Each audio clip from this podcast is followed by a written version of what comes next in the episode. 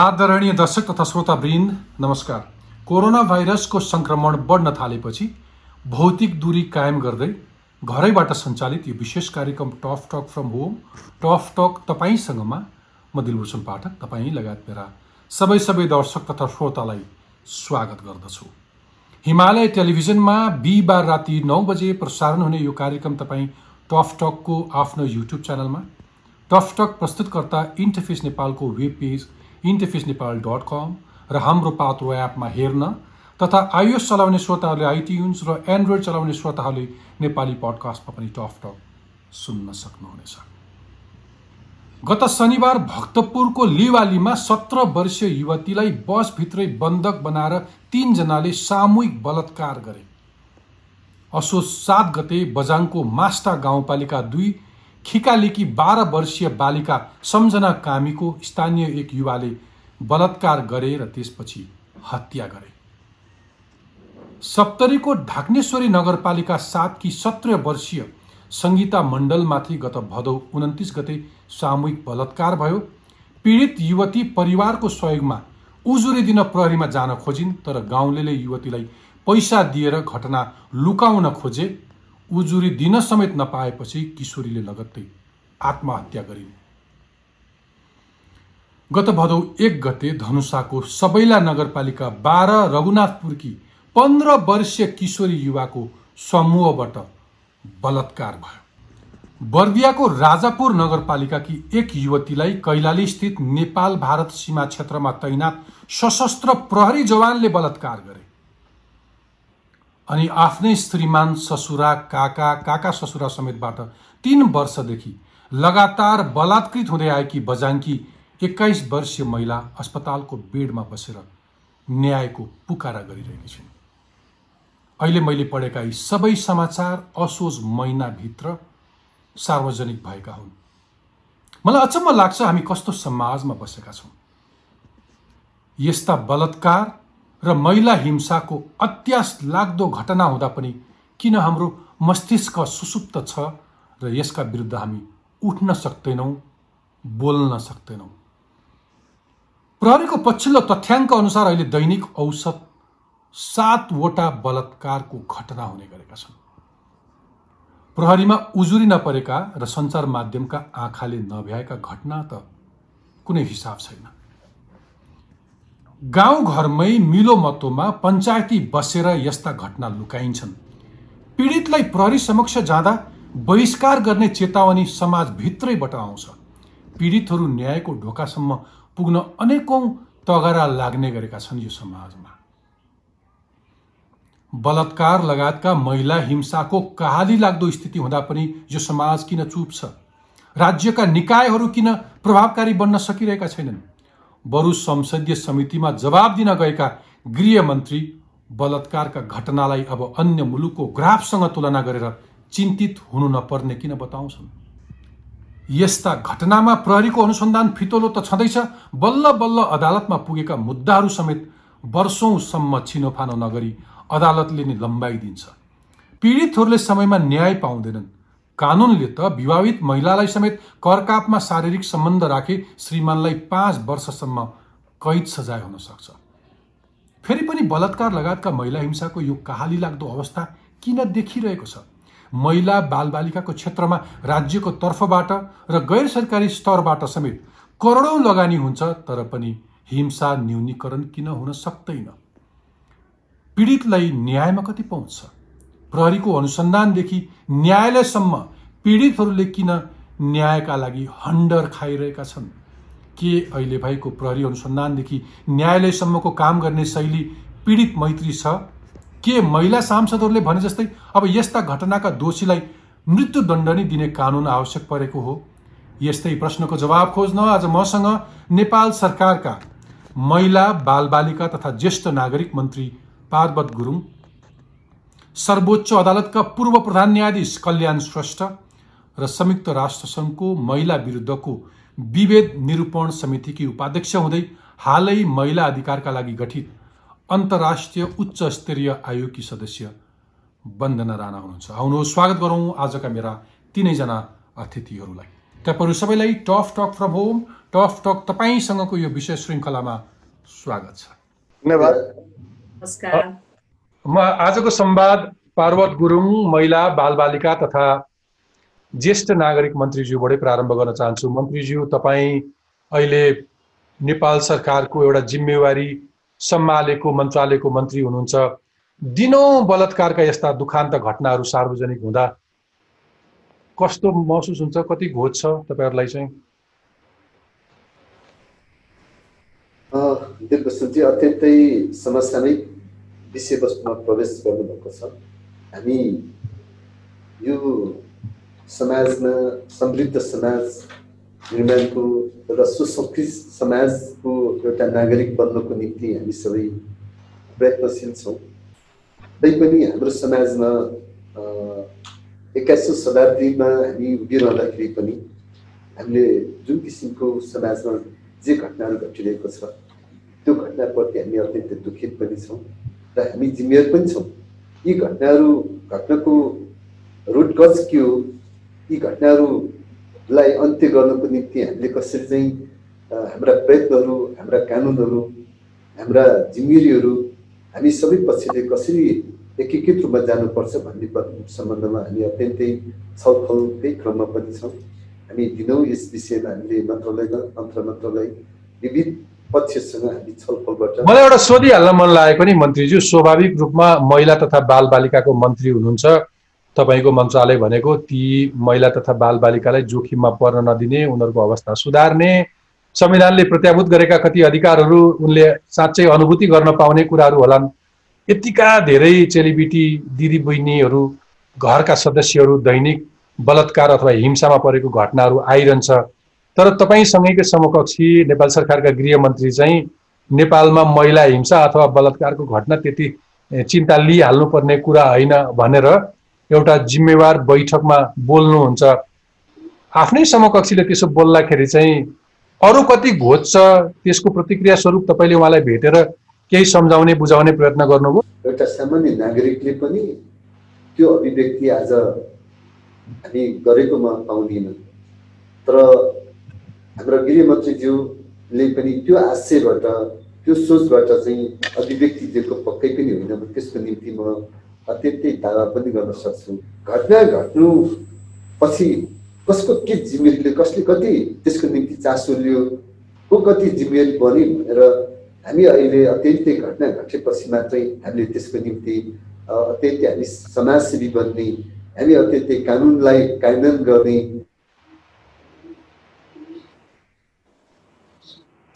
भावना निकै हाम्रो बढी पाइन्छ त्यसलाई पत्र पत्रिकाले मिडियाले पनि धेरै चर्चा गरेको पाइन्छ। तर मलाई यहाँको आजको कार्यक्रममा के भन्न चाहन्छु भने हामीले घटना घट्नुभन्दा अगाडि नै त्यो घटनालाई कसरी चाहिँ हामी त्यसको रोकथाम गर्न सक्छौँ त्यो घटनालाई घटना हुनु नदिनुको निम्ति हामी के गर्न सक्छौँ भन्ने विषयमा चाहिँ हामी आज जान जरुरी छ। यो यसका लागि तपाईँले भने जस्तै घटना घट्नुभन्दा पहिलेका तयारीहरू सावधानीहरू अथवा तपाईँको मन्त्रालयले के गर्दैछ हामी क्रमैसँग जान्छौँ। म श्रीमान कल्याण श्रेष्ठकोमा जान चाहन्छु। पूर्व न्यायाधीश हुनुहुन्छ सर्वोच्च अदालतका विशेष गरी महिला हिंसाको क्षेत्रमा अथवा महिला अधिकारको बारेमा अलिक बढी चासो राख्नुहुन्छ श्रीमान मलाई भनिदिनुहोस् तपाईँले हरेक दिन जस्तो अखबारका पानामा अथवा न्युजहरूमा हरेक दिन महिला हिंसाको सङ्ख्या अरू बढेको दैनिक चेलीबेटी बलात्कार भएको समाचारले कति घोज्छ गृहमन्त्रीको भनाइ सुन्दा के लाग्यो? गृहमन्त्रीको भनाइमाथिको टिप्पणी अहिलेका मन्त्री पार्वत गुरुङजीको टिप्पणीमाथि पनि तपाईँको केही भनाइ छ? धन्यवाद दिलभूषणजी। तपाईँले उठाउनु भएको प्रश्न धेरै गम्भीर छ। हरेक दिन अखबार बिहान अखबार पढ्नै नसक्ने गरेर एउटा आफैलाई जिस्क्याएको जस्तो गरेर अखबारको चाहिँ अखबारमा यो बलात्कारको घटनाहरू सुन्न परिरहेको छ। एउटै अखबारमा धेरैवटा न्युज चाहिँ धेरै जिल्लाको सुन्न पाइन्छ।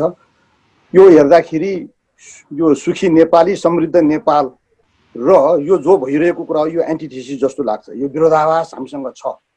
र यो चाहिँ कसै कोही पीडित भयो कोही पीडक भयो त्यति मात्र कुरा होइन। देशमा शान्ति सुरक्षा र न्याय दिने काम राज्यको हो। यसको अपराध गर्ने त कुनै व्यक्ति होला। तर त्यो व्यक्तिले अपराध गर्न पाउनु अथवा उसले अपराध गरेको कुरालाई उसलाई चाहिँ दण्डित नगर्नु र उसलाई नियन्त्रित नगर्नु र अपराध हुने परिस्थिति निर्माण भइरहनु यो फेरि बृहत्तर रूपमा राज्यको दायित्वभित्र पर्छ। मलाई के लाग्दैन भने अपराधको सङ्ख्या अपराधका पीडितहरू एउटा दुईवटा दसवटा बिसवटा भयो दैनिक हुने भएर जनसङ्ख्याको अनुपात हेरेर नाप्ने कुरा होइन। एउटै पनि पीडितको जम संवेदना छ उसको सुरक्षा छ उसको जिउमा अस्मितामा अपहरण भएको छ बलात्कार भएको छ भने यो एउटै घटना पनि राज्यको लागि एउटा लज्जाको कुरा हो। म त फेरि अपराधकर्ता चाहिँ पुरुष धेरैसो हुने भएको हुनाले यो पुरुष पुरुषत्वमाथिको पनि ठुलो एउटा प्रहार हो। यो पुरुषत्व असफल भएको चिज हो। पुरुषत्व भनेको बलात्कारीलाई पुरुष भन्दैन। यो बलात्कारी पुरुष हुनै सक्दैन। पुरुष भनेको त अलिकता संवेदना भएको जवाबदेही बोध गर्ने एउटा जिम्मेवार व्यक्तिलाई पुरुष भन्ने हो। यो गैर जिम्मेवार व्यक्तिलाई पुरुष भन्ने होइन। त्यस कारणले यसलाई सङ्ख्याको रूपमा हेर्ने होइन। हामीसँग अरू देशभन्दा कम छ भनेर यस्तै एउटा आत्मरति हामीले लियौँ भने हामी गलत ठाउँमा पुगेका हुन्छौँ। हामी सबैले एउटा लज्जा बोध गर्नुपर्ने छ। म आउँछु। तपाईँकोमा फर्केर आउँदा तपाईँलाई मैले सोध्ने प्रश्न चाहिँ तपाईँ आफै एउटा सर्वोच्च अदालतको प्रधान न्यायाधीश भएका हिसाबले आम नेपालीहरूको न्यायमा पहुँच कति छ? यस्ता खालका हिंसा पीडितहरूले कति सहज रूपमा न्याय पाएका छन्? किन एउटा मुद्दा वर्षौँसम्म अदालतमा अड्किन्छ? म त्यसमा क्रमैसँग आउँछु तर यही बेला म वन्दना राणाजीकोमा जान चाहन्छु। वन्दना राणा संयुक्त राष्ट्र सङ्घको महिला विरुद्धको अन्तर्राष्ट्रिय उच्च आयोगकी सदस्य हुनुहुन्छ। वन्दनाजी तपाईँ आफै एउटा महिला वर्षौँदेखि अधिकारको क्षेत्रमा काम गरिरहेको महिला त्यसमा पनि महिला हिंसामा तपाईँले जुग बिताउनु भएको छ दशक बिताउनु भएको छ।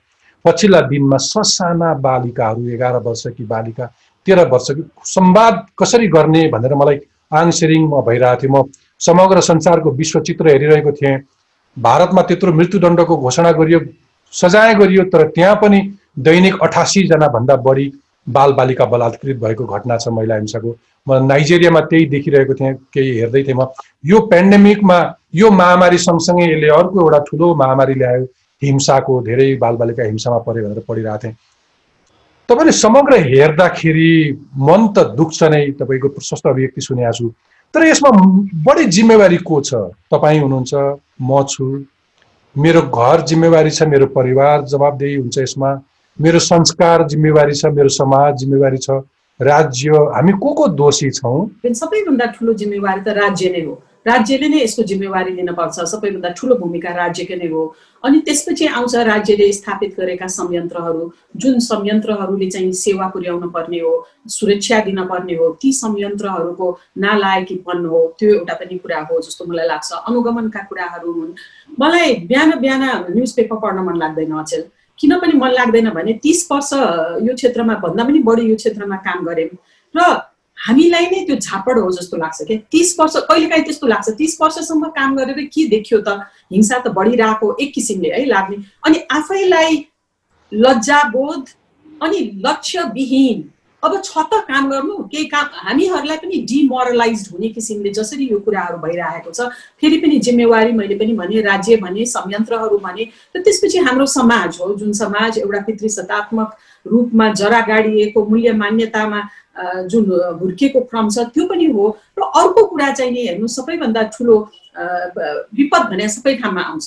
र देश धेरै जस्तो यस्तो विपदमा यो अल्प विकसित राष्ट्रहरू जहाँ चाहिँ नि कानुनी शासन एकदमै कमजोर फितलो फेलियर नैको रूपमा अगाडि आउँछ। र अघि मन्त्रीज्यूले भन्नुभयो हाम्रो गृह मन्त्रीज्यूले त्यो आशय गर्नुभएको होइन यसमा धेरै चासो नलिउँ भन्दा त्यो आशय होइन भन्नुभयो। म विश्वास गर्छु उहाँको त्यो आशय होइन होला। तर हामी जस्तो नागरिकहरूले उहाँ एउटा जिम्मेवारी ओहदामा रहनु भएको व्यक्तिले त्यो भन्दाखेरि हामीलाई त आश्वासन पो चाहियो। उहाँलाई बरु त्यस्तो कुन कुरा कसरी बोल्ने भन्ने कुरा उहाँलाई थाहा छैन संवेदनशीलताको कुरामा। बरु हामी उहाँसँग बसेर अब ट्रेनिङ गर्न रेडी छौँ। ट्रेनिङ नभयो भने पनि कन्सल्ट गर्नलाई रेडी छौँ। तर जिम्मेवारी पदमा भएको व्यक्तिले बोल्दाखेरि साधारण व्यक्ति त्यो समुदायको व्यक्ति जस जसको बालिका बलात्कृत भएको छ त्यो परिवारका सदस्यहरू सबैलाई त आश्वासन हुन पर्यो नि।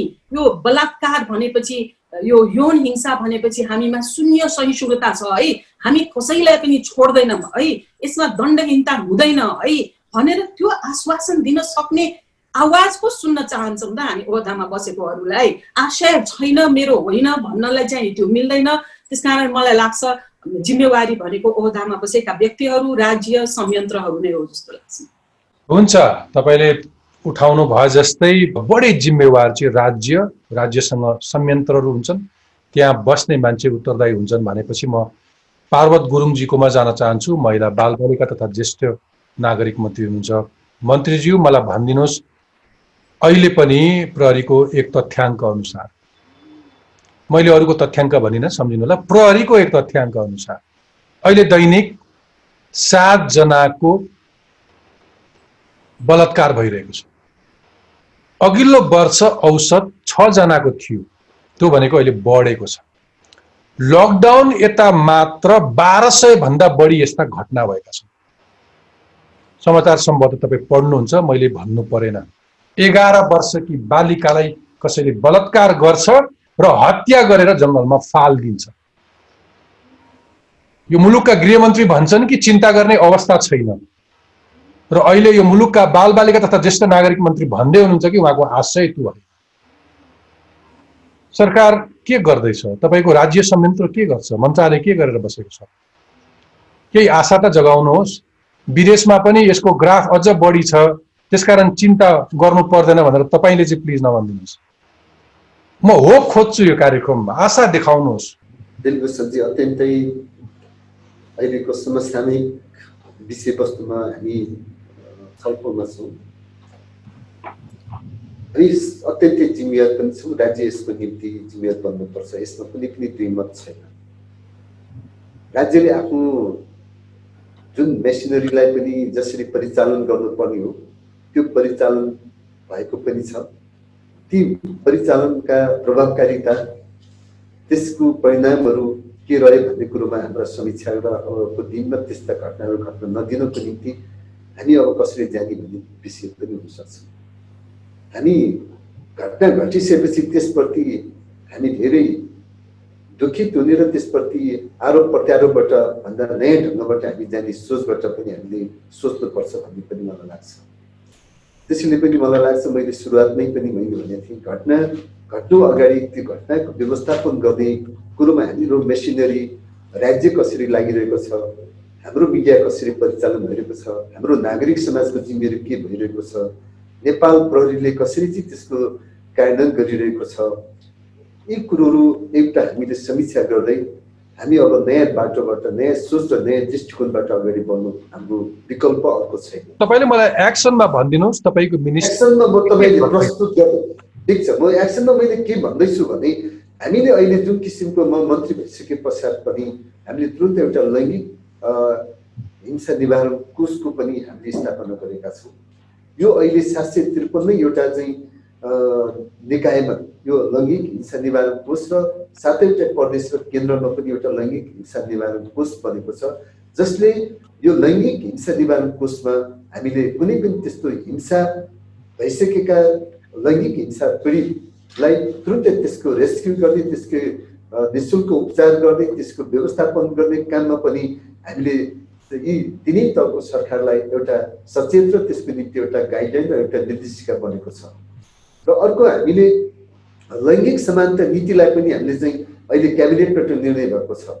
त्यो लैङ्गिक समानता नीति हामीले किन तुल्याएको छौँ भन्दाखेरि पनि लैङ्गिक समानता नीतिले चाहिँ हाम्रो महिला अधिकारको विषयमा महिला कानुनको विषयमा त्यसको समीक्षा गर्ने र त्यसलाई प्रभावकारी कार्यान्वयन गर्नको निम्ति पहल कदमी गर्नको निम्ति र त्यसको अनुगमन गर्नको निम्ति र थप कानुनको निम्ति आवश्यकता छ भने पनि संशोधन गरेर अगाडि बढ्ने र त्यसको निम्ति हामीले लैङ्गिक हिंसा अभियानको बारेमा चाहिँ एउटा स्थानीय तहसम्मको एउटा संरचनाहरू निर्माण गर्ने सोचबाट पनि लैङ्गिक समानता नीति अहिले क्याबिनेटबाट भन्छ त्यो एउटा हाम्रो अहिलेको चाहिँ जुन विधेयक क्याबिनेट विधेयक समितिमा त्यसको छलफलको क्रममा छ।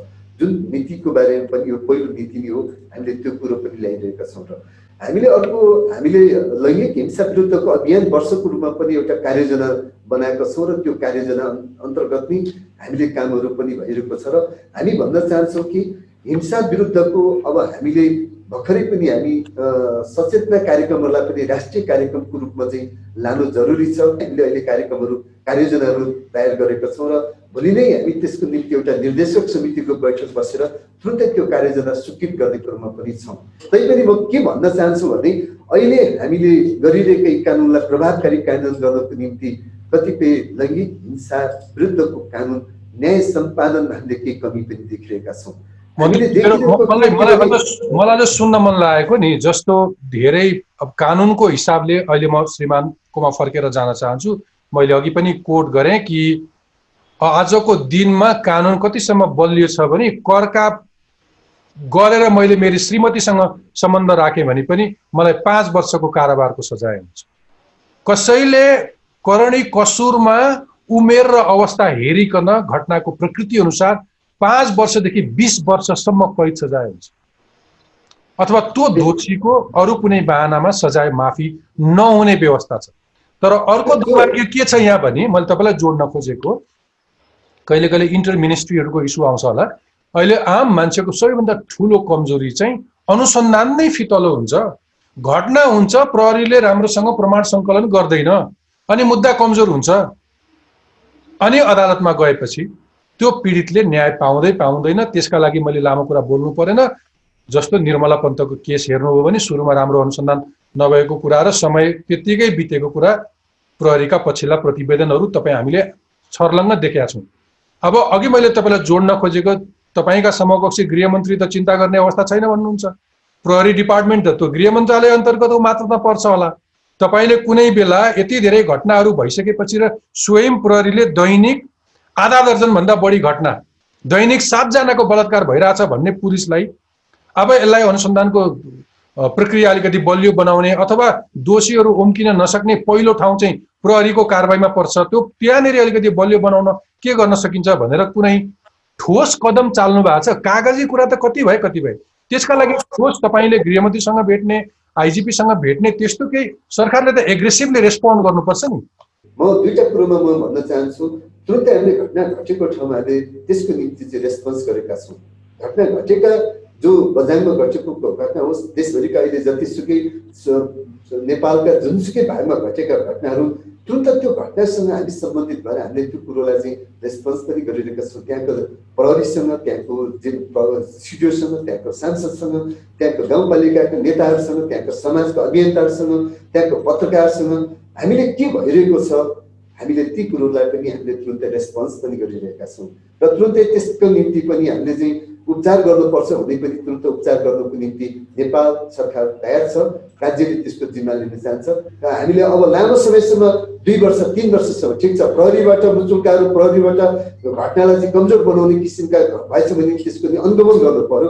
तर न्याय क्षेत्रमा पुगिसके पश्चात त्यसलाई लामो समयसम्म तपाईँको त्यो घटनालाई लिएर त्यो पीडक पक्ष मान्छे चाहिँ तपाईँको तिनी अब दिक्क हुने उनले चाहिँ आफूलाई चाहिँ ती घटना पीडा बिर्सनपछि अनि न्याय क्षेत्रले फेरि पनि पीडितलाई चाहिँ न्याय नदिने पीडकलाई चाहिँ न्याय दिने किसिमको परिस्थितिलाई हामी अन्त्य गर्नको निम्ति पनि हामी पक्कै पनि यसको निम्ति केही संरचना बनाउनु जरुरी छ र हामी अब त्यस्ता कुरोमा न्याय क्षेत्रमै पनि हामीले अब भइरहेका कानुनहरूलाई आवश्यक भने संशोधन गर्नुपर्छ यसबाट कतिपय पीडित मान्छे चाहिँ जो मान्छे बलात्कार गरेको छ ती मान्छे फेरि पनि त्यही मान्छे चाहिँ फेरि समाजमा आएर उसले चाहिँ तपाईँको फेरि पनि ऊ उप उसको उपस्थिति चाहिँ अत्यन्तै एउटा चाहिँ हाई फाई देखिन्छ भने यसले ती पीडित मान्छे के गर्ने हुन्छ मन्त्रीज्यू तपाईँलाई एउटा जानकारी गराउँ दुई हजार त्रिहत्तर चौहत्तरदेखि दुई हजार छिहत्तर सतहत्तरसम्म जम्मा चार वर्षमा बलात्कारका सात हजार आठ सय पच्चिसवटा घटना भए र यसमध्ये पाँच हजार नौ सय चौरानब्बेवटा घटनामा नातेदार साथी शिक्षक हर छिमेक र अन्य चिन्जानका आफन्त मानिसहरू स्वयं बलात्कारका घटनामा संलग्न हुने र अपराधमा नातेदार र चिन्जानकै मान्छेहरू इन्भल्भ भएको कारणले अपराधीको प्रतिष्ठा जोगाइदिने नाममा यस्ता धेरै केसहरू अदालतसम्म आइ नै नपुगेको एउटा दृष्टान्त छ भने कति धेरैले राजनीतिक दलहरूको राजनीतिक संरक्षणमा पनि सजाय कटाउने होइन कि त्यो बलात्कार गरेको पीडितको अगाडि भोलिपल्ट नाक फुलाएर छाती फुलाएर हिँड्ने घटनाहरू छन्। त्यसकारण धेरै पीडितहरू भोलि यही ठाउँमा उसैको अधीनमा बस्नुपर्ने छ भने किन उजुरी गर्न जाउँ भन्ने एउटा चलन पनि रहेछ। म कल्याण श्रेष्ठ पूर्व प्रधान न्यायाधीश सर्वोच्च अदालतका श्रीमानलाई मैले सोधेँ कि श्रीमान मलाई भनिदिनुहोस् आम नेपालीहरूको वास्तवमा न्यायमा कति पहुँच छ अथवा हिंसामा पीडित कतिले कति सहज रूपमा न्याय पाएका छन्? म यसलाई अलिकति फुटाउन चाहन्छु कि यस्ता घटनामा अक्सर पछिल्लो ट्रेन्ड हेऱ्यो भने दुई किसिमका कमजोरीहरू देखिन्छ। एउटा प्रहरीले सुरुमा अनुसन्धानले फितलो गरिदिन्छ। निर्मला पन्तको घटना पर्याप्त हुन्छ होला सायद। त्यसैले मुद्दा कमजोर हुन्छ। स्वाभाविक रूपमा मुद्दा कमजोर भयो। दोस्रो अनुसन्धान राम्रो भएर आएको मुद्दामा पनि कहिलेकाहीँ अदालतबाट बदमासी हुन्छ। मैले दोहोऱ्याएर भने अदालतबाट बदमासी हुन्छ। अथवा कतिपय केसमा मिलोमतो हुन्छ र अदालतबाट दोषी उम्किन्छ। तपाईँको अनुभवले के भन्छ श्रीमान। यसलाई बृहत्तर रूपमा हेर्ने हो भने यो चाहिँ समाज चाहिँ अहिले माइन्डलेस भन्छु कि म विवेक शून्य भएर गएको छ। मानसिक सन्तुलन पनि सायद कोभिडले हो कि भूकम्पले हो कि यो चाहिँ हिंसाले हो द्वन्द द्वन्द पीडित भएर हो यसले चाहिँ संयम पनि गुमाइरहेको छ सहिष्णुता गुमाइरहेको छ र शिक्षा पनि यसले प्रपर शिक्षा पाइरहेको छैन सदाचार गुमाइरहेको छ। शिक्षा समाज चाहिँ राम्रोसँग सुशिक्षित छैन। अहिले पेट पाल्ने विद्यामा धेरै जोड छ र मन चाहिँ सम्हाल्ने कुरामा जोड दिएको छैन। राज्यले सायद ध्यान दिनुपर्ने कुरा यो हो। अब जहाँसम्म न्यायमा पहुँचको कुरा सुन्नुभयो यो धेरै दुःख लाग्दो कुरा चाहिँ म भन्छु। किनभने मैले के भन्ने गरिरहेको छ भने हामीसँग संविधान ऐन कानुन सम्पूर्ण संरचनाहरू हुँदा हुँदै पनि मैले भन्ने गरे एउटा शब्द के हो भने हामीसँग rule of law deficiency syndrome छ। भन्नुको मतलब संविधान ऐन कानुन बनाएर के गर्नु? नतिजा निस्के पो त। अदालत भएर के गर्नु? प्रहरी भएर के गर्नु? वकिल भएर के गर्नु? नतिजा निस्के पो त। नतिजा हामी नतिजामा हामी मूल्याङ्कन गर्नुपर्छ र नतिजाको कुरा गर्ने हो भने अहिले पनि न्यायमा पहुँचको समग्र हिसाब गऱ्यो भने दसदेखि पन्ध्र प्रतिशत जनसङ्ख्याको मात्रै पहुँच छ भन्ने हाम्रो अनुमान छ। यसको चाहिँ पुरा आकलन चाहिँ गर्न अझ बाँकी छ। तर दसदेखि पन्ध्र पर्सेन्ट मात्रै सबै फेरि यो बलात्कारको मात्र कुरा गरे होइन कि कुल मिलाएर न्यायमा पहुँचको अवस्था चाहिँ दसदेखि पन्ध्र प्रतिशत मात्रै छ। त्यसो भन्नुको अर्थ अधिकांश मान्छेको पहुँच छैन। अब जहाँसम्म बलात्कारको कुराहरू गऱ्यौँ भने जेन्डर बेस भाइलेन्स मध्ये पनि बलात्कारको कुरा आज म त्यसमा फोकस गर्न चाहन्छु। भयो भने तपाईँ सुन्नु होला अखबारमा कि बलात्कार भएको छ बलात्कार गरेको रिपोर्टसम्म गर्न सक्दैन। रिपोर्ट नगर्नको लागि परिवारले दबाब दिएको हुन्छ इज्जत जान्छ भनिरहेको हुन्छ। त्यो रिपोर्ट गरे बापतमा ज्यानको जोखिमको कुरा छ त्यस कारणले पीडितले पनि भन्न नसक्ने अवस्था छ। केही दिन त त्यहीँ लाग्छ। त्यसपछि रिपोर्ट गर्न गयो रिपोर्ट लिनेले लिइदिँदैन। केही दिन त के गर्छ पञ्चायती गर्ने भन्छ। त्यहाँ चाहिँ भनिस् भने तँलाई चाहिँ ज्यानमा खतरा हुन्छ भनेनौ भने तिमीलाई चाहिँ केही क्षतिपूर्ति दिन्छौ फकाउँछौ। मौका पुरै बिहा गर। बलात्कारीले बिहा गर भन्ने हो होइन नि? उसको प्रमाणहरू दबाई दिने हो होइन नि? रिपोर्ट थाहा पाएको हरेक मान्छेले रिपोर्ट गर्नुपर्छ। रिपोर्ट गर्नु पर्दैन। तपाईँले मैले जसले पनि रिपोर्ट गर्दैन त यसलाई हामी कसरी बुझौँ भने अहिले नयाँ जारी भएको फौजदारी जुन अपराध संहिता छ जसको चाहिँ मसौदाको चाहिँ संयोजन मैले गरेको थिएँ। त्यहाँ एउटा चाहिँ सार्वजनिक न्याय विरुद्धको कसुर भन्ने छ। सार्वजनिक न्याय विरुद्धको कसुरमा प्रमाण दबाउन हुँदैन सूचना चाहिँ दिनलाई अवरोध गर्न हुँदैन कसुरदारलाई घरमा लुकाइदिन पनि हुँदैन यो चाहिँ यो कुनै बदनियतपूर्वक अनुसन्धान र अभियोजन गर्न पनि हुँदैन। प्रहरी र सरकारी वकिलले बदनियत चलाउनु पर्ने मुद्दा नचलाउने बलियो हुनेलाई कमजोर गर्ने गरेछ भने पनि त्यो पनि दण्डनीय त्यसमा पनि मुद्दा चलाउन सक्छ। मैले के भन्न खोजेँ भने कि कानुनी संरचनाहरू खडा नगरिएका होइनन् तर दुर्भाग्य साथ के भन्नुपर्छ विडम्बना के भयो भने यो अपराध संहिताको बारेमा कति चर्चा गरियो समाजमा? यो पीडितले कति थाहा पाए? यो पञ्चायती गर्ने मान्छेले मैले गर्न हुन्न भन्ने कुराको शिक्षा पाए कि पाएन? नेता वर्गले थाहा पाए कि पाएन? प्रहरीले नै कति थाहा पाए? त्यस कारणले कानुन बनाएर के हुन्छ? कानुनको सम्प्रेषणै हुँदैन। कामको बारेमा कामको परिणामको बारेमा कामका लाभहरूको बारेमा भन्दै भनिँदैन त्यसपछि के हुन्छ? त यो यावत चाहिँ त्यसपछि न्यायमा सम्पूर्ण अवरोध मुद्दा दायर पनि भइहाल्यो भने कतिपय अवस्थामा पीडित आफैले मैले भनेको कुरा चाहिँ झुटो कुरा हो मैले डायरी गलत लेखायो भन्नुपर्ने बाध्यता सिर्जना गरेको हुन्छ। त्यस्तो नपरोस् भन्नुको लागि पीडितको सुरक्षाको लागि ध्यानमा राखेर हामी के गर्यौँ भने कि पीडितको व्यक्तिगत विवरण नै गोप्य राखिदिउँ। त्यो मुद्दा चाहिँ बन्द इजलासमा गरिदिउँ। त्यसलाई चाहिँ त्यो पीडितलाई आउनलाई खर्च पनि दिलाइदिउँ। पीडितलाई सुरक्षाको व्यवस्था पनि मिलाइदिउँ। यी सबै कुरा कानुनले तय गरेको छ। अदालतले फैसलाबाट पनि लेखिएका कुराहरू हुन्। यी कुराहरू त भए तर यथार्थ फेरि पनि अदालतमा बन्द इजलास कति खडा भए अथवा यो चाहिँ गोपनीय परिचयको गोपनीयताको लाभ कहाँसम्म पुगे? परिचयको गोपनीयता कति स्ट्रिक्टली गर्नुपर्छ भन्ने कुरा कतिजनाले थाहा पाए र यो फास्ट ट्र्याक कोर्टबाट हेर्नुपर्छ भन्ने पनि मान्यता हो। फास्ट ट्र्याक कोर्ट अदालतको अर्डर छ तर फास्ट ट्र्याक कोर्ट गरेर फास्ट ट्र्याक कोर्ट खडा गरिदिनु पर्यो नि। स्पेसलाइज ट्रेनिङ दिनु पर्यो नि। खै भयो? त्यस कारणले कानुन भएर पनि कानुनका संरचनाहरू निर्माण गरिँदैन। कानुन कार्यान्वयनको लागि लगानी नै गरिँदैन। बाटोघाटोमा लगानी गरेर के हुन्छ? बाटोघाटो लगानी गरेर पहिरो ल्याइदियो। पहिरोमा लगानी गर्ने हो। कानुनको सुदृढीकरण जबसम्म हामी गर्दैनौँ कानुन कार्यान्वयनमा हामी लाग लगानी गर्दैनौँ पूर्वाधार खडा गर्दैनौँ संरचना खडा गर्दैनौँ मोनिटरिङ गर्दैनौँ नतिजामुखी कुराहरू गर्दैनौँ भने हामी विकासको कुरा गरेर के हुन्छ?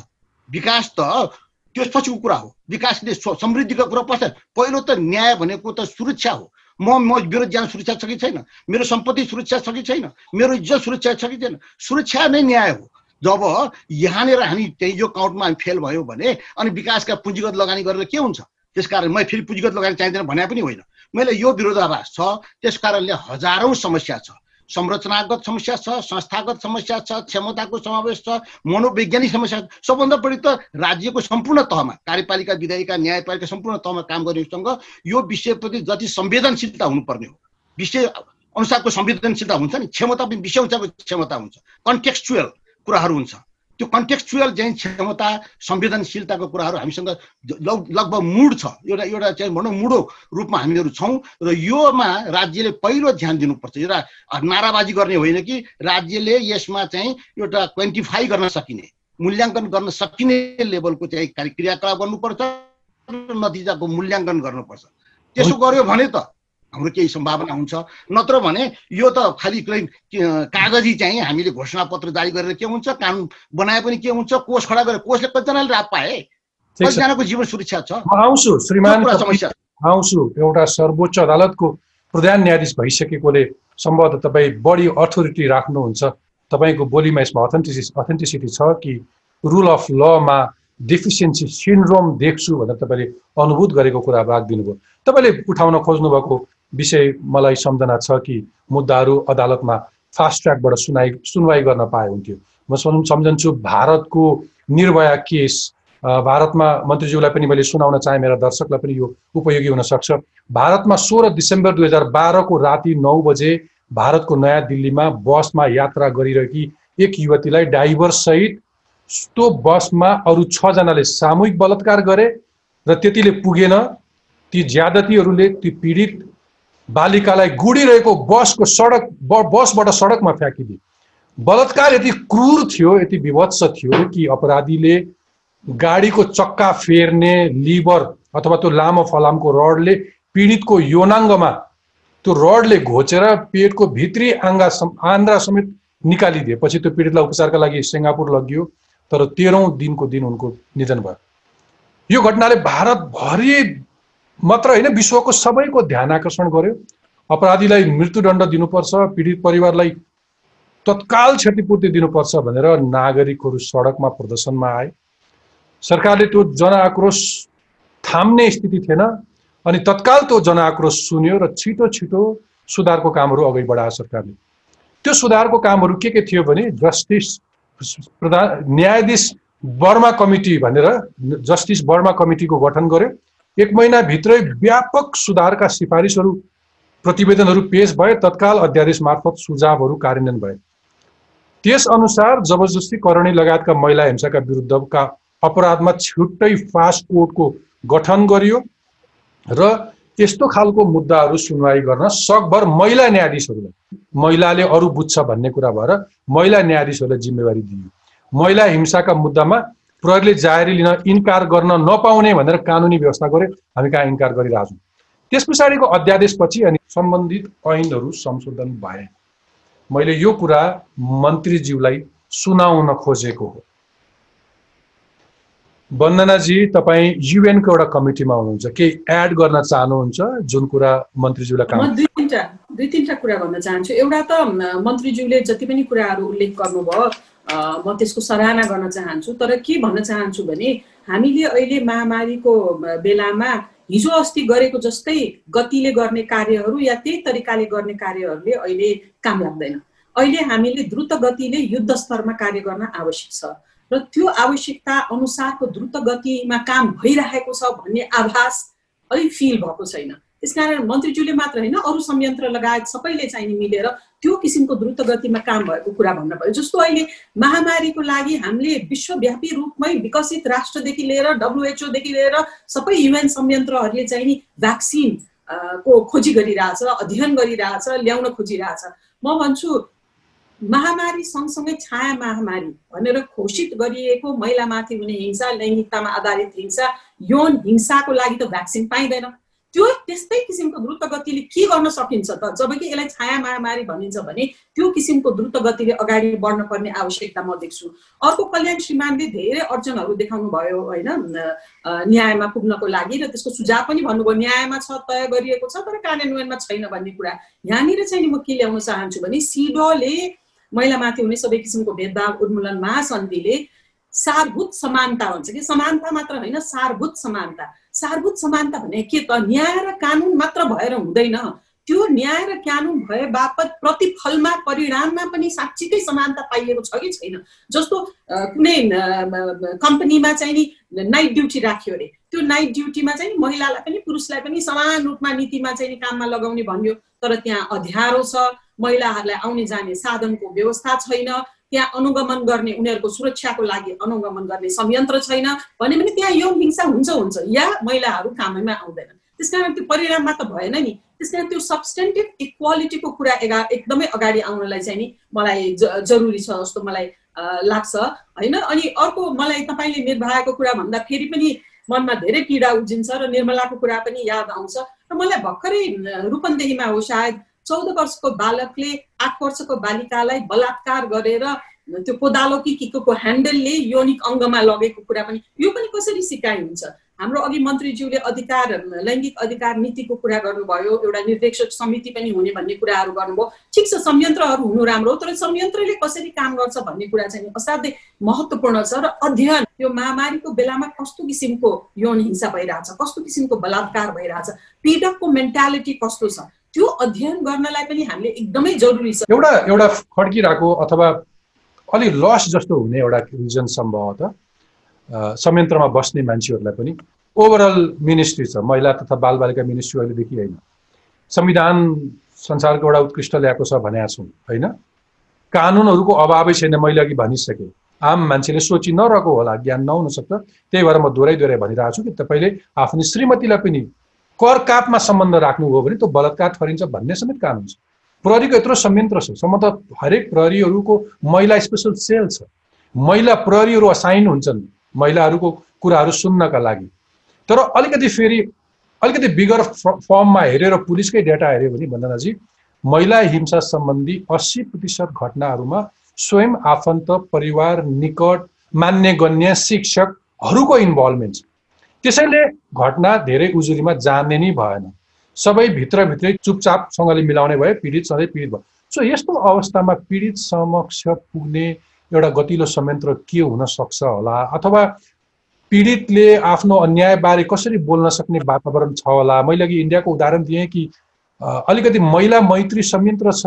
अदालतमा त्यही अनुसारको न्यायिक बेन्चहरू आवश्यक पर्छ होला नि होइन? ग्लोबली हामीले हेऱ्यौँ भने पनि ग्लोबल स्टेटिस्टिक्समा पनि के भनिन्छ भने जति पनि यौन हिंसा भएको छन् चालिस प्रतिशत आफ्नैले अघि नै तपाईँले भन्नुभएको चिन्जान इन्टिमेट पार्टनर भनिन्छ यस्तो गरेर भइएको हुन्छ। अब त्यो अवस्थामा पीडितसँग हामी कसरी पुग्ने अघि सामाजिक आस्थाको कुराहरू आयो सामाजिक प्रतिष्ठाको कुराहरू आयो र कसरी पुग्ने भन्ने कुरामा थुप्रै कुराहरू त न्यायिक रूपमा संयन्त्रहरू चाहिँ नि बलियो हुनपर्छ।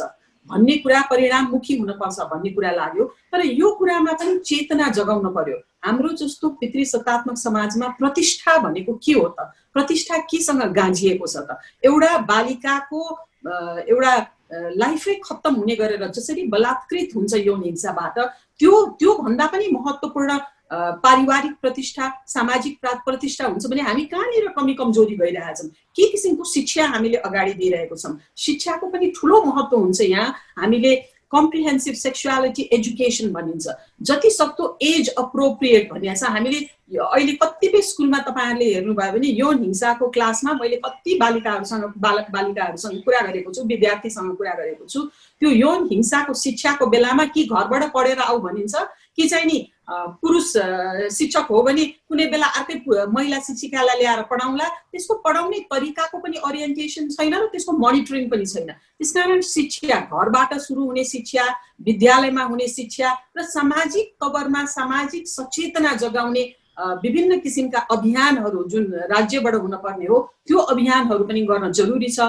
र यहाँ सौहा यो सह सहकार्य भनिन्छ नि स्टेक होल्डर्स साझेदारी गभर्मेन्टले पनि एक्लै आफै धेरै चिज गर्न सक्दैन र नागरिक समाज जसले धेरै लामो समयसम्म यो क्षेत्रमा काम गरेको छ जसले पीडितको विश्वास जितेको छ। जस्तो हाम्रो साथीमा आउने कतिपय अहिले लकडाउनको समयमा हामी कहाँ आउने सत्तरी प्रतिशत अहिले जति पनि भिक्टिम आछन् त्यो बलात्कार बलात्कारको भिक्टिम छन्। त्यो आफ्नै घरको हाडनाताकरणीबाटै बा बाउबाट भएको दाईबाट भएको अधिकांश छ।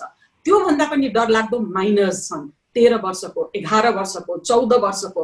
अहिले विगतको यो सबैभन्दा डरलाग्दो कुरा पुलिसको रेकर्डबाट पनि छ नेपाल प्रहरीबाट सत्तरी प्रतिशत अठार वर्षभन्दा मुनि छन् भन्ने कुरा। त्यसलाई न्याय दिलाउनलाई पनि हामी जस्तो संस्थाले मात्रै पुलिसका लगेर न्यायको केन्द्रमा लग्यो भने केही गरी रिपोर्टिङ दायर हुन्छ। नत्र भने त्यो पनि हुँदैन। भनेपछि एउटा नागरिक समाज जो यो क्षेत्रमा काम गरिरहेको छ त्यो पार्टनरसिप पनि एकदमै स्ट्रङ हुन जरुरी छ। अहिले भनेको हाम्रो कलेक्टिभ एनर्जी हो। सबैले कहाँ कहाँ के काम गर्न सक्छ भनेर अगाडि लग्न। वन्दनाजी तपाईँको महत्त्वपूर्ण विचारका लागि धन्यवाद दिन चाहन्छु। म पार्वत गुरुङजीकोमा जान चाहन्छु। मन्त्री हुनुहुन्छ महिला बालबालिका तथा ज्येष्ठ नागरिक मन्त्री। मन्त्रीज्यू यति धेरै संवाद गरिसकेपछि तपाईँ एउटा जवाबदेही मन्त्रालयमा हुनुहुन्छ। कहीँ यस्तो पनि भएको हो कि आम मानिसहरूको गुनासो छ? प्रधान न्यायाधीश पूर्व प्रधान न्यायाधीशले अगाडि केही सङ्केत गर्नुभयो कि स्टेटको सिस्टम अथवा मेसिनरीहरूको प्रपर परिचालन गर्न सक्नुपर्छ? ऐन कानुन नभएको होइन। अदालत पनि छन् प्रहरी छ। तर त्यहाँ अरू जवाबदेहिता चाहियो भनेर उहाँले त्यो प्रसङ्ग उठाइसकेपछि मैले तपाईँलाई कहाँनिर जोड्न खोजेँ भने? पर्टिकुलर मिनिस्ट्री हेर्ने मन्त्रीहरू तपाईँहरू आफू अलिकति प्रोएक्टिभ हुन नसकेको हो कि? यस्तो कुराहरू आउन थालिसकेपछि त्यसलाई सम्बोधन गर्न तत्काल केही कदमहरू चाल्न सकिन्थ्यो होला? नागरिकलाई केही आह्वान गर्न सकिन्थ्यो होला? आफ्ना डिपार्टमेन्ट्सहरूलाई अलिकति जसरी पछिल्लो पटक एउटा घटना सम्झिन्छु कि यो यो अक्सर महिला हिंसा र बलात्कार सम्बन्धी मुद्दाहरू भन्ने बित्तिकै सरकारवादी हुन्छन्। अब अक्सर धेरै मुद्दाहरू सरकारी वकिलहरू आफैले सुनवाईका लागि कुनै पनि पहल गर्दैनन् कानमा तेल हालेर बस्छन् भनेर भनेपछि पछिल्लो घटना छ कि महाधिवक्ताको कार्यालयबाट सबै सरकारी वकिल कार्यालयहरूलाई अलिकति फास्ट ट्र्याकबाट चाहिँ मुद्दा अघि बढाउन भनेर निर्देशन दिइयो। त्यस्तो कुनै महसुस हुन्छ तपाईँलाई कि अब अलिकति मन्त्रीको आफ्नै एक्टिभ रोल चाहिएको छ अलिकति प्रोएक्टिभ हुन सक्दाखेरि चाहिँ संयन्त्रहरू परिचालन गर्न सकिन्छ अथवा गरिरहेको छु भन्ने केही आशले बिट मार्नतिर लागौँ अब अलिकति होप देखाउनुहोस्। म अब फेरि पनि यहाँको देशलाई नै आशावादी बनाउनु पर्छ निराशाबाट हामीले चाहिँ र नैरेश्यता पलायनताबाट हामीले मुलुकलाई फेरि पनि निर्माण गर्न सक्दैनौँ। हामी अहिले पनि कतिपय कुरो म हामी सबै जिम्मेवार छौँ राज्य पनि जिम्मेवार छ। हाम्रा सबै संरचनाहरू हामीले स्थापित गरेका हाम्रा संयन्त्रहरू हामीले गरेका प्रयत्नहरू हाम्रा प्रयासहरू सबै पूर्ण भयो भने म दाबी पनि गर्न सक्दिनँ। हाम्रा पनि अपुगहरू होला। त्यसैले पनि मैले भनिरहेको कुरो के हो त भन्दा हामीले फास्ट ट्र्याक कोर्टको कुरो गऱ्यौँ। न्याय सम्पादनको कुरोमा हामीले जुन किसिमको हाम्रा कमी देखेका छौँ त्यो कुरोलाई हामीले कसरी व्यवस्थापन गर्न सक्छौँ यो हामीले भनेको कुरा र अर्को कुरो यहाँलाई हामी अत्यन्त गौरवको साथ भन्न चाहन्छौँ हामीले सामाजिक रूपान्तरण नै अहिलेको आवश्यकता हो। हामी हिजोको एउटा चाहिँ सत्ययुगको जस्तो दास प्रथाको जस्तो युगबाटको अवशेषहरूलाई जुन अवशेषलाई अन्त्य गर्दै हामीले अहिलेको सामाजिक रूपान्तरणमा हामी कसरी जान सक्छौँ? सामाजिक क्षेत्रलाई हामीले कसरी राष्ट्रिय गौरवको कार्यक्रम बनाउन सक्छौँ? हामीले कतिपय समृद्धको सूचकहरू सधैँ भौतिक निर्माणमा देख्यौँ। हामीले सधैँभरि पूर्वाधारलाई देख्यौँ। यसको मतलब हाम्रा श्रीमान कल्याण जीवसँग मेरो केही विचारहरू मिल्न खोजेको र हामीले अहिले भन्दै आएका कुरा यस मन्त्रालयले अभियानको रूपमा ल्याउँदैको कुरो। अब सामाजिक क्षेत्रलाई हामी राष्ट्रिय क्षेत्र राष्ट्रिय गौरवको क्षेत्रको रूपमा स्थापित गर्छौँ। सामाजिक क्षेत्र हाम्रो अलिक कमजोर भन्यो सामाजिक चेतनाको रूपमा हामी अलिकति यसलाई कमजोर बनायौँ हाम्रो यसमा लगानी कमजोर भयो। हामीले त्यसलाई कति नीति कार्यक्रम मात्रै आयो। चुनावमा पनि घोषणापत्र मात्रै आयो। कार्यान्वयनको कमजोरहरू भए यो कुरोको समीक्षा गर्दै अबको दिनमा हामी सबै न्याय क्षेत्रमा होस् न्यायपालिकाको क्षेत्रमा होस् हामीले व्यवस्थापिकाको क्षेत्रमा होस् कार्यपालिकाको क्षेत्रमा होस् हामी सबै कुरोमा जानुपर्छ र हामीले त्यो चेतनाको कुरो मलाई जहाँसम्म लाग्छ प्रहरीको कुरो प्रहरीलाई हामीले कस्तो तालिम दियौँ कतिपय प्रहरीहरू नै यो घटनामा दोषी छन् भने प्रहरीहरूलाई हाम्रो कस्तो तालिम हो तालिमको कुरोमा पनि हामीले चाहिँ अहिलेको जनताको चेतना स्तरको अवस्था एउटा एकातिर छ हाम्रा संयन्त्रहरूको एउटा क्षमता उनीहरूलाई अब अब अब अब बिट मार्नुपर्छ जनतालाई निराशा कहाँ हुने हो भने एक्ज्याक्टली तपाईँले भने जस्तै एउटा एउटा एउटा एउटा अबोध बालिकालाई प्रहरीले बलात्कार गर्छ। अदालतमा तपाईँहरूको पार्टीका कार्यकर्ता न्यायाधीश हुन जान्छन्। बलात्कारी कुनै पार्टीकै कार्यकर्ता हुन्छ। अनि सबै कुरा त त्यो रिङ छ नि फेरि। त्यो ऱ्याकेट छ नि। अनि अनि पीडितले कसरी न्याय पाउँछ? यसका लागि त कोही मान्छे कोही मान्छे अलिकति एग्रेसिभ रूपमा अलिकति प्रोएक्टिभ हुनुपर्छ कोही सुधारक हुनुपर्छ। अबको अबको समय पहिलेकै जस्तो गरेर परम्परागत शैली हुँदैन। मेरो आशय तपाईँलाई अब मिनिस्टरहरू आफै प्रोएक्टिभ हुने कि यो चलिरहेको सिस्टम हो भनेर बस्ने। अलिकति अलिकति आउटस्ट्यान्डिङ हुनुपर्छ होला। अब पर्फर्म गर्नुको लागि अथवा तपाईँले भने जस्तो समाजको रूपान्तरण भनेको के? कुशासनले समाज रूपान्तरण हुन्छ। भ्रष्टाचारले समाज रूपान्तरण रूपान्तरण हुन्छ। जता जहाँ पनि चरम राजनीतिकरणले समाज रूपान्तरण हुन्छ कार्यशैली पनि हेर्छन् नि आम नागरिकले। जवाबदेही हुनुपर्ने ठाउँमा बसेका मन्त्रीहरूको स्वभाव बोली चाली हेरेर पनि। सबै राजनीतिका व्यक्तिहरूलाई एउटै डालोमा हालेर राजनीतिको कारण आज कुशासन आयो। यी सबै न्यायमा तपाईँको यस्तो भयो। अपराधीले संरक्षण पाए भनेर तपाईँले यदि भनिरहँदा मलाई पनि कतै चित्त दुख्न सक्छ। त्यसैले प्रतिबद्धतामा मैले भन्छु यी घटनाहरू घट्न नदिनको निम्ति हामीले तुरन्तै एउटा चाहिँ राष्ट्रिय स्तरमा एउटा सचेतना कार्यक्रमको संयन्त्रको र अभियानको रूपमा हामी सञ्चालन गर्नेछौँ। हामी अब तपाईँको न्याय क्षेत्र न्याय कानुनको अभाव होइन तर फास्ट ट्र्याक कोर्टको न्याय सम्पादनको निम्ति त्यसको निम्ति अभियान पनि चलाउनेछौँ र त्यो किसिमको एउटा तत्काल हामी कानुन मन्त्रीज्यूसँग प्रधानमन्त्रीज्यूसँग बसेर पनि हामी त्यसको निम्ति चाहिँ अगाडि बढ्नेछौँ र घटना विरुद्धको शून्य संचितताको कायम गर्नको निम्ति हामी अगाडि बढ्नेछौँ र अब तपाईँले त्यस्तो न्युज मिडियालाई पनि हामी भन्नेछौँ मिडियालाई अब कसरी हामी सूचना सम्प्रेषण गर्नुपर्छ भन्ने किसिमको पनि र कसरी समाजमा यो मनोसामाजिक एउटा प्रभाव पर्ने नकारात्मक सोचको मात्रै हामीले समाचारहरूको नकारात्मक व्यक्तिको प्रस्तुतिहरू नकारात्मक अनि हरेक घटनाको नकारात्मक एउटा चाहिँ सोचहरूलाई पनि सकारात्मक रूपमा चाहिँ हामी जाने र त्यो सूचनाको हिसाबले होस् व्यवहारको हिसाबले होस् सकारात्मक एउटा दिशातर्फ राज्यले निर्देशित गर्ने कुरोमा पनि म हामी त्यो खालको एउटा कार्यविधि त्यो खालको एउटा संयन्त्र त्यो खालको एउटा सोच दृष्टिको निर्माण गर्ने काममा पनि हामीले लाग्नेछौँ र समाजमा सबै प्रकारका हिंसाहरूको अन्त्य गर्नको निम्ति म प्रतिबद्ध छु। र त्यो घटना हामी कसैले सुन्न नपर्ने दिनको निम्ति हामी प्रतीक्षा गरौँ। पक्कै पनि त्यसको निम्ति हामी आगामी दिनको कार्ययोजना हामी आगामी दिनको सरकारले लिने एउटा नीति कार्यक्रमबाट यहाँलाई विश्वास दिलाउँछ र त्यो अनि फेरि त्यो तपाईँको यो टकअप सोमा चाहिँ फेरि पनि तपाईँसँग म यही उच्च शिरका साथ तपाईँसँग म फेरि पनि छलफल गर्नेछु पर्वतजी मन्त्रीज्यू तपाईँको प्रतिबद्धता पुरा होस्। अरूभन्दा पनि सरकार पीडितसँग पुगोस्। उसले न्याय पाओस् त्यति मात्रै हो यो प्रयत्न। म अरू कुनै विषयमा छलफल चलाउन सक्ने तर समाजमा भएको यति जल्दो बल्दो विषयमा छलफल किन नगरौँ?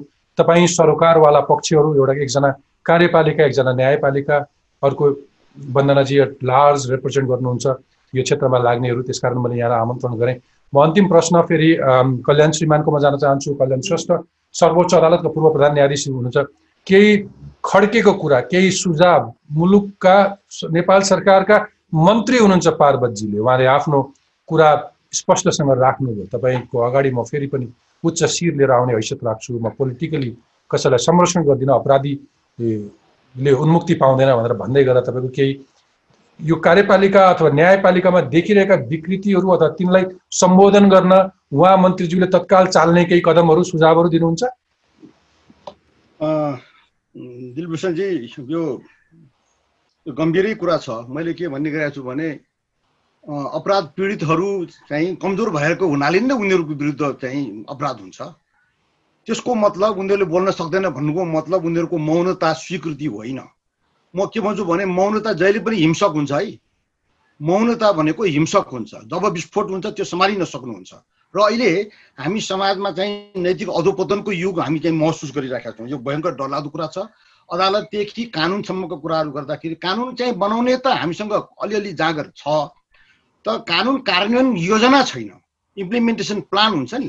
कानुन त आफै कार्यान्वयन हुँदैन नि। या कानुनले आफ्नो फल दिनको लागि त कार्यान्वयन योजना हुनुपर्छ।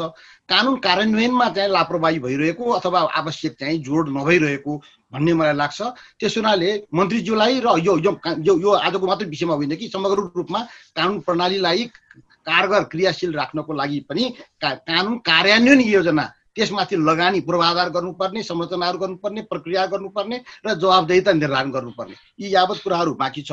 मलाई सबभन्दा चिन्ता के हुन्छ भने अपराध पीडितहरू चाहिँ आफ्नो दाबी राख्नसम्म नसक्ने अवस्थामा छन्।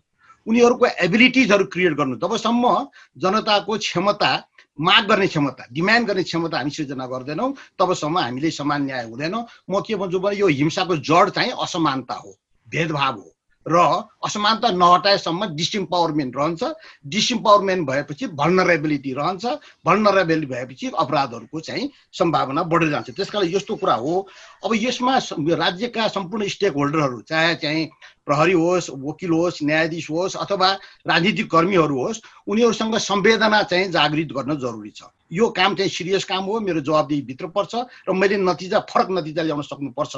यस यो जेन्डर ट्रेनिङ यो should start from the school के म वास्तवमा बच्चाहरूमा बच्चा केटो चाहिँ विद्यार्थीले जेन्डर एजुकेसन पाउनु पर्दैन त्यसलाई जेन्डर रेस्पोन्सिबिलिटी बुझ्नु पर्दैन त्यहाँदेखि आउनुपर्छ त्यो यात्रा त्यहाँदेखि सुरु हुन्छ परिवारदेखि सुरु हुन्छ त्यो जम्मै छैन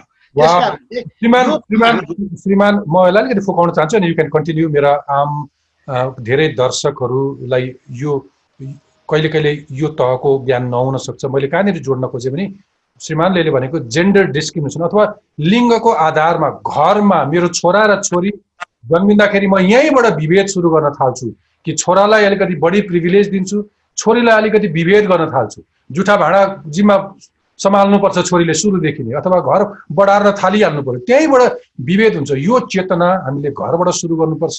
शिक्षालयमा हामीले यो पढाउनु पर्छ भन्दै हुनुहुन्छ। प्लिज कन्टिन्यू श्रीमान। यो कस्तो छ भने सेक्स र जेन्डरको बिचमा फरक थाहा पाउनु पर्छ कि बच्चा जन्मदाखेरि त कुनै पुल्लिङ्ग जन्मिने कि स्त्रीलिङ्ग जन्मिने हामी त रोजेर जन्मिया होइनौँ नि? कुनै लिङ्गमा जन्म भयो। त्यो त कुनै प्राकृतिक रूपमा भयो त्यो अनौठो कुरा भएन। तर भेदभाव कहाँ हुन्छ भने बच्चाले होइन। बच्चाका बाउ आमाले दाजुभाइले वरिपरि इर्द गिर्द छिमेकीले सिर्जना गर्छ किनभने लिङ्ग भनेको त्यो त्यो लिङ्गसँग त्यो यौन अङ्गसँगबाट उसले चाहिँ सोसल अघि श्रीमानले यो हिंसालाई नियन्त्रण गर्न यसमा यसलाई न्यूनीकरण गर्न राज्यको संयन्त्र जवाबदेही हुनुहुन्छ भनेर भन् हुन्छ भनेर भन्दै हुनुहुन्थ्यो। तर फेरि यो यसलाई मलजल गर्न चाहिँ हाम्रो सामाजिक संरचना दोषी छ भनेर भन्दै हुनुहुन्छ। दुइटा जोडिन्छ। बिल्कुल। दुइटा जोडिन्छ यो चाहिँ सोसल्ली कन्स्ट्रक्टेड रोल के? सोसल्ली कन्स्ट्रक्टेड चाहिँ मेल सुपेरियोरिटी हामीले चाहिँ घरमा प्रेसक्राइब गऱ्यौँ भने त्यही हुर्किन्छ।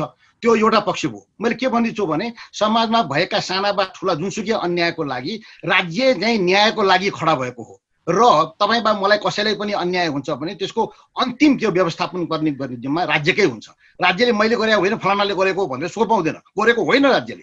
तर त्यो त्यसलाई नियन्त्रण गर्न नसक्नु र व्यवस्थित गर्न नसक्ने जिम्मा चाहिँ फेरि राज्यको काँधा पर्छ। यसरी न्यायलाई बुझ्नुपर्छ राज्यले। र बाँकी रह्यो यो चाहिँ मैले के भन्छु भने समाजलाई हामीले प्रपरली एजुकेट गरेका छैनौँ। नैतिक शिक्षा छैन अधोपतनको युगमा छ धर्म पनि छैन नैतिकता पनि छैन कुनै एउटा व्यावहारिक शिक्षा पनि छैन ओरिएन्टेसन पनि छैन पेट पाल्ने विद्या कन्ज्युमरिजम सिकाएका छौँ हामीले राम्रो राम्रो खाने राम्रो राम्रो लाउने तर राम्रो व्यवहार गर्ने सिकाएका छैनौँ। यो शिक्षा घर परिवारदेखि हुनुपर्छ। कानुनको कार्यान्वयन चाहिँ भइदियो भने कानुनको बारेमा सूचना सम्प्रेषण गर्न सकियो भने धेरै हदसम्म सम्पूर्ण म भन्न सक्दिनँ धेरै हदसम्म हाम्रो समाजलाई जवाबदेही र सभ्य बनाउन कोसिस गर्छ। अहिले पीडितहरूले न्याय माग्न नसक्ने अवस्था छ। मलाई अन्याय भयो मलाई रेप रेप गर्यो भन्नु पनि नसक्ने अवस्था छ।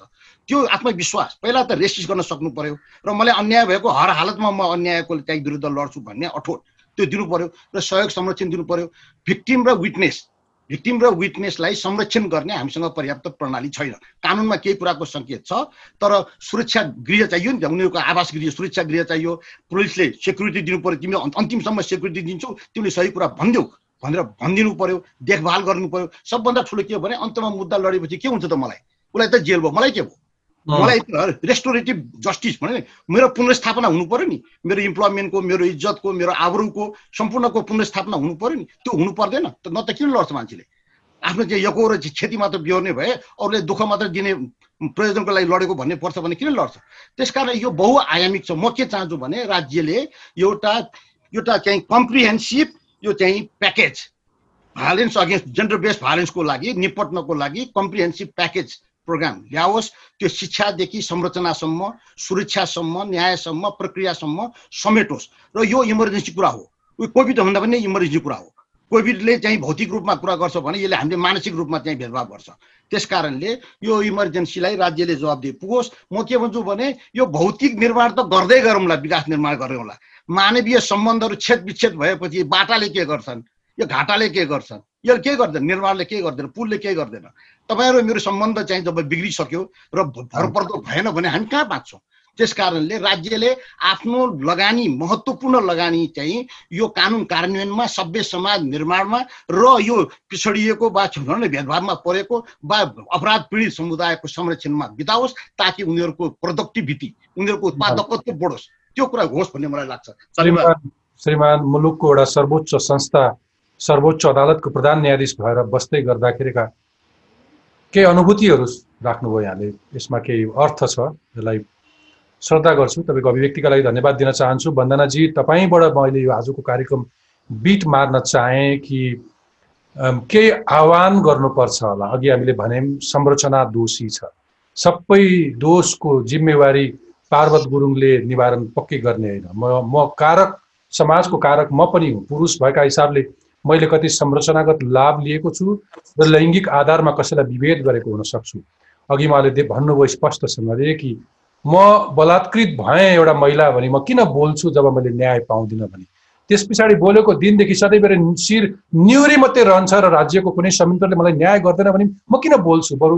गुपचुप बस्छु भन्ने कुरा छ। तर फेरि त्यसले न्याय हुँदैन। अरूलाई बरु अन्याय हुन्छ। त्यस कारण बोल्नुपर्छ भन्ने छ। एउटा स्लोगन पनि छ हिंसा सहेर नबसौँ भने जस्तै। समाजका अरू सबैलाई कल्याण श्रीमानले भने जस्तै अथवा मन्त्रीज्यूलाई साक्षी राखेर थप केही थप्न चाहनुहुन्छ अनि म कार्यक्रमलाई बिट मार्छु। म तपाईँले भने जस्तो बिट मार्नुभन्दा अगाडि अलिकति आशावादी पनि बनाऊँ जस्तो लाग्यो। र मलाई चाहिँ यो कोभिड नाइन्टिनले अब अलिकति चुनौती त धेरै आए तर यसले अवसर पनि ल्याएको छ। र राज्यले त्यो अवसरलाई पनि पहिचान गर्न आवश्यक छ।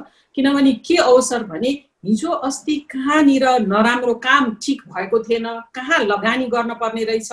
अघि कल्याण श्रीमानले श्रीमानले भने जस्तो छत बिछतै भइसकेपछि बाटोको के काम हस्पिटलको के काम? भनेपछि लगानी कहाँ गर्न पर्छ? के आधार महत्त्वपूर्ण छ? कहाँनिर शक्ति परिचालन गर्न पर्छ? र सबै मिलेर कहाँ काम गर्न पर्छ? र युवाहरू विशेष गरेर मलाई लाग्छ युवाहरू भविष्यको रिस्पोन्सिबिलिटी जिम्मेवारी लिने व्यक्ति भएको भएर युवाहरूलाई सबैलाई लिभिङ नो वान बिहाइन्ड भन्छ नि जुन सस्टेनेबल डेभलपमेन्ट गोल्सको त्यस कारण यो कोभिड नाइन्टिनले ल्याएको चुनौतीलाई सामना पनि गरौँ तर आएका अवसरहरूलाई अब अझ बढी सुदृढ अर्थतन्त्र सुदृढ समाज र विशेष गरेर यौन हिंसाको क्षेत्रमा जसले पीडा भोगेको छ उनीहरूलाई राज्यले विश्वास दिन सक्ने। राज्य हाम्रो पक्षमा छ। राज्यले हामीलाई सम्मान गर्छ। राज्यले हाम्रो पीडा बुझ्छ। र मैले यो कुरा बोल्न सक्छु म ठाडो शिर गरेर हिँड्न सक्छु भन्ने समाज निर्माण गर्ने अवसरलाई चाहिँ सबैले हामीले त्यसलाई परिचालन गरौँ जस्तो मलाई लाग्छ। त्यति मात्रै हो। वन्दनाजी धेरै धेरै धन्यवाद। तपाईँहरू दुवैजना यस क्षेत्रका खारिएका विद्वान विज्ञहरूलाई सरकारका प्रतिनिधि समेतलाई साक्षात्कार गराएर यो समाजको जल्दो बल्दो विषयमाथि केही छलफल बहस गर्ने एउटा प्रयत्न थियो। अरूभन्दा पनि जवाबदेहिताको प्रश्नबाट भाग्ने दौडधुप चलिरहेको बेलामा पहिलो प्रस्तावलाई स्वीकार गरेर आइदिनु हुने महिला बालबालिका तथा ज्येष्ठ नागरिक मन्त्री पार्वत गुरुङजी वन्दना राणाजी पूर्व प्रधान न्यायाधीश कल्याण श्रेष्ठजी तपाईँहरू सबैलाई महत्त्वपूर्ण समय र विचारका लागि धेरै धेरै धन्यवाद। आदरणीय दर्शक तथा श्रोतावृन्द कार्यक्रमको अन्त्यमा तपाईँको प्रश्न। नमस्ते म अनन्द साके र म चाबेलमा बस्छु। मेरो प्रश्न के छ भन्दाखेरि जस्तै मैले केही अपराध गरेँ र त्यो अपराधमा मलाई कोही सेकेन्ड पर्सनले मलाई चाहिँ सहयोग गर्छ भने ऊ पनि अपराधी हुन्छ उसलाई पनि त्यसको सजाय हुन्छ। मैले आफ्नो सपना मारेर मैले एउटा ठुलो अपराध गरेको छु। त्यसको सजाय म विदेशमा गएर बस्नुपर्ने आफ्नो देश छोडेर। र यसमा सहयोग गरेको छ मेरो सरकारले। म जस्तो धेरै युवाहरूको सपना मार्नुमा सहयोग गरेको छ सरकारले। यो सहयोग गर्ने सरकारलाई सजाय के छ। नमस्कार म शङ्कर पन्त। मेरो प्रश्न छ मुख्यमन्त्रीज्यूलाई। देशमा व्यापक भ्रष्टाचार र बलात्कारको घटना सुन्दा सामान्य लाग्न थालिसकेको छ। यस्ता भ्रष्टाचारी र बलात्कारीहरूलाई गरिएका कारवाही तिनीहरूको विवरणसहित स्पष्ट तरिकाले सबैले बुझ्न सकिने हिसाबले नेपाल सरकारको आधिकारिक पेजमा राख्न सकिँदैन र? नमस्ते मेरो नाम आदित्य पराजुली मेरो स्थायी घर ठेगाना स्याङ्जा। हाल म काठमाडौँबाट यो प्रश्न गरिरहेको छु। लकडाउन नै कोरोना कहरको समाधानको अथवा यसबाट बस्ने चाहिँ अन्तिम अथवा उत्तम विकल्प होइन भन्ने त हामी सबैलाई यो जगजाहेर नै छ। तर यस कहरसँगै आफ्नो दैनिक जीवनयापन सामान्य चाहिँ हाम्रो दैनिकीहरूलाई कसरी लैजान सकिन्छ र यसको सहजता बनाउनको लागि सरकारले कस्तो खालको चाहिँ स्ट्राटेजी अब एउटा खालको रणनीति अब अप्नाउँछ भन्ने चाहिँ मेरो एउटा प्रश्न छ। नमस्कार म ऋतु शिवाकोटी काठमाडौँबाट मेरो जिज्ञासा मुख्यमन्त्रीज्यूलाई। दिनानुदिन बढ्दै गएको रेपको घटनाले त्रसित नेपाली जनमानस खास गरी महिला दिदी बहिनीहरूले शान्ति र सुरक्षाको लामो सास फेर्ने दिन कहिले आउने र पहुँचवालाहरूको पहुँचबाट अपराधीलाई घिसारेर सुरक्षित नेपाली समाजको निर्माण कहिले हुने? अबदेखि टफ टकमा तपाईँ आफै पनि प्रश्न राख्न सक्नुहुनेछ। सरकारमा बस्ने हुन् वा प्रशासन चलाउने सार्वजनिक ओदामा बस्ने हुन् वा समाजका जिम्मेवार मानिएका व्यक्ति तपाईँ जसलाई पनि प्रश्न गर्न सक्नुहुन्छ। उत्तर नआउन पनि सक्छ। तर प्रश्नको प्रभाव अनेक किसिमले परिरहेकै हुन्छ। त्यसैले आजै आफ्नो मोबाइल उठाउनुहोस् नाम र ठेगाना भन्नुहोस् कसलाई के प्रश्न हो अत्यन्तै छोटो समयमा आफ्नो प्रश्न राखेर हामीलाई पठाउनुहोस्। हामी सबैभन्दा राम्रा प्रश्नहरूलाई कार्यक्रममा समावेश गर्नेछौँ। हवस् त अर्को हप्ता यसरी नै भेटौँला। कार्यक्रमका बारेमा टकटकको युट्युब पेजमा आफ्नो प्रतिक्रिया लेख्न नभुल्नुहोला। स्वस्थ रहनुहोस् सुरक्षित रहनुहोस्। आजलाई बिदा दिनुहोस्। नमस्ते।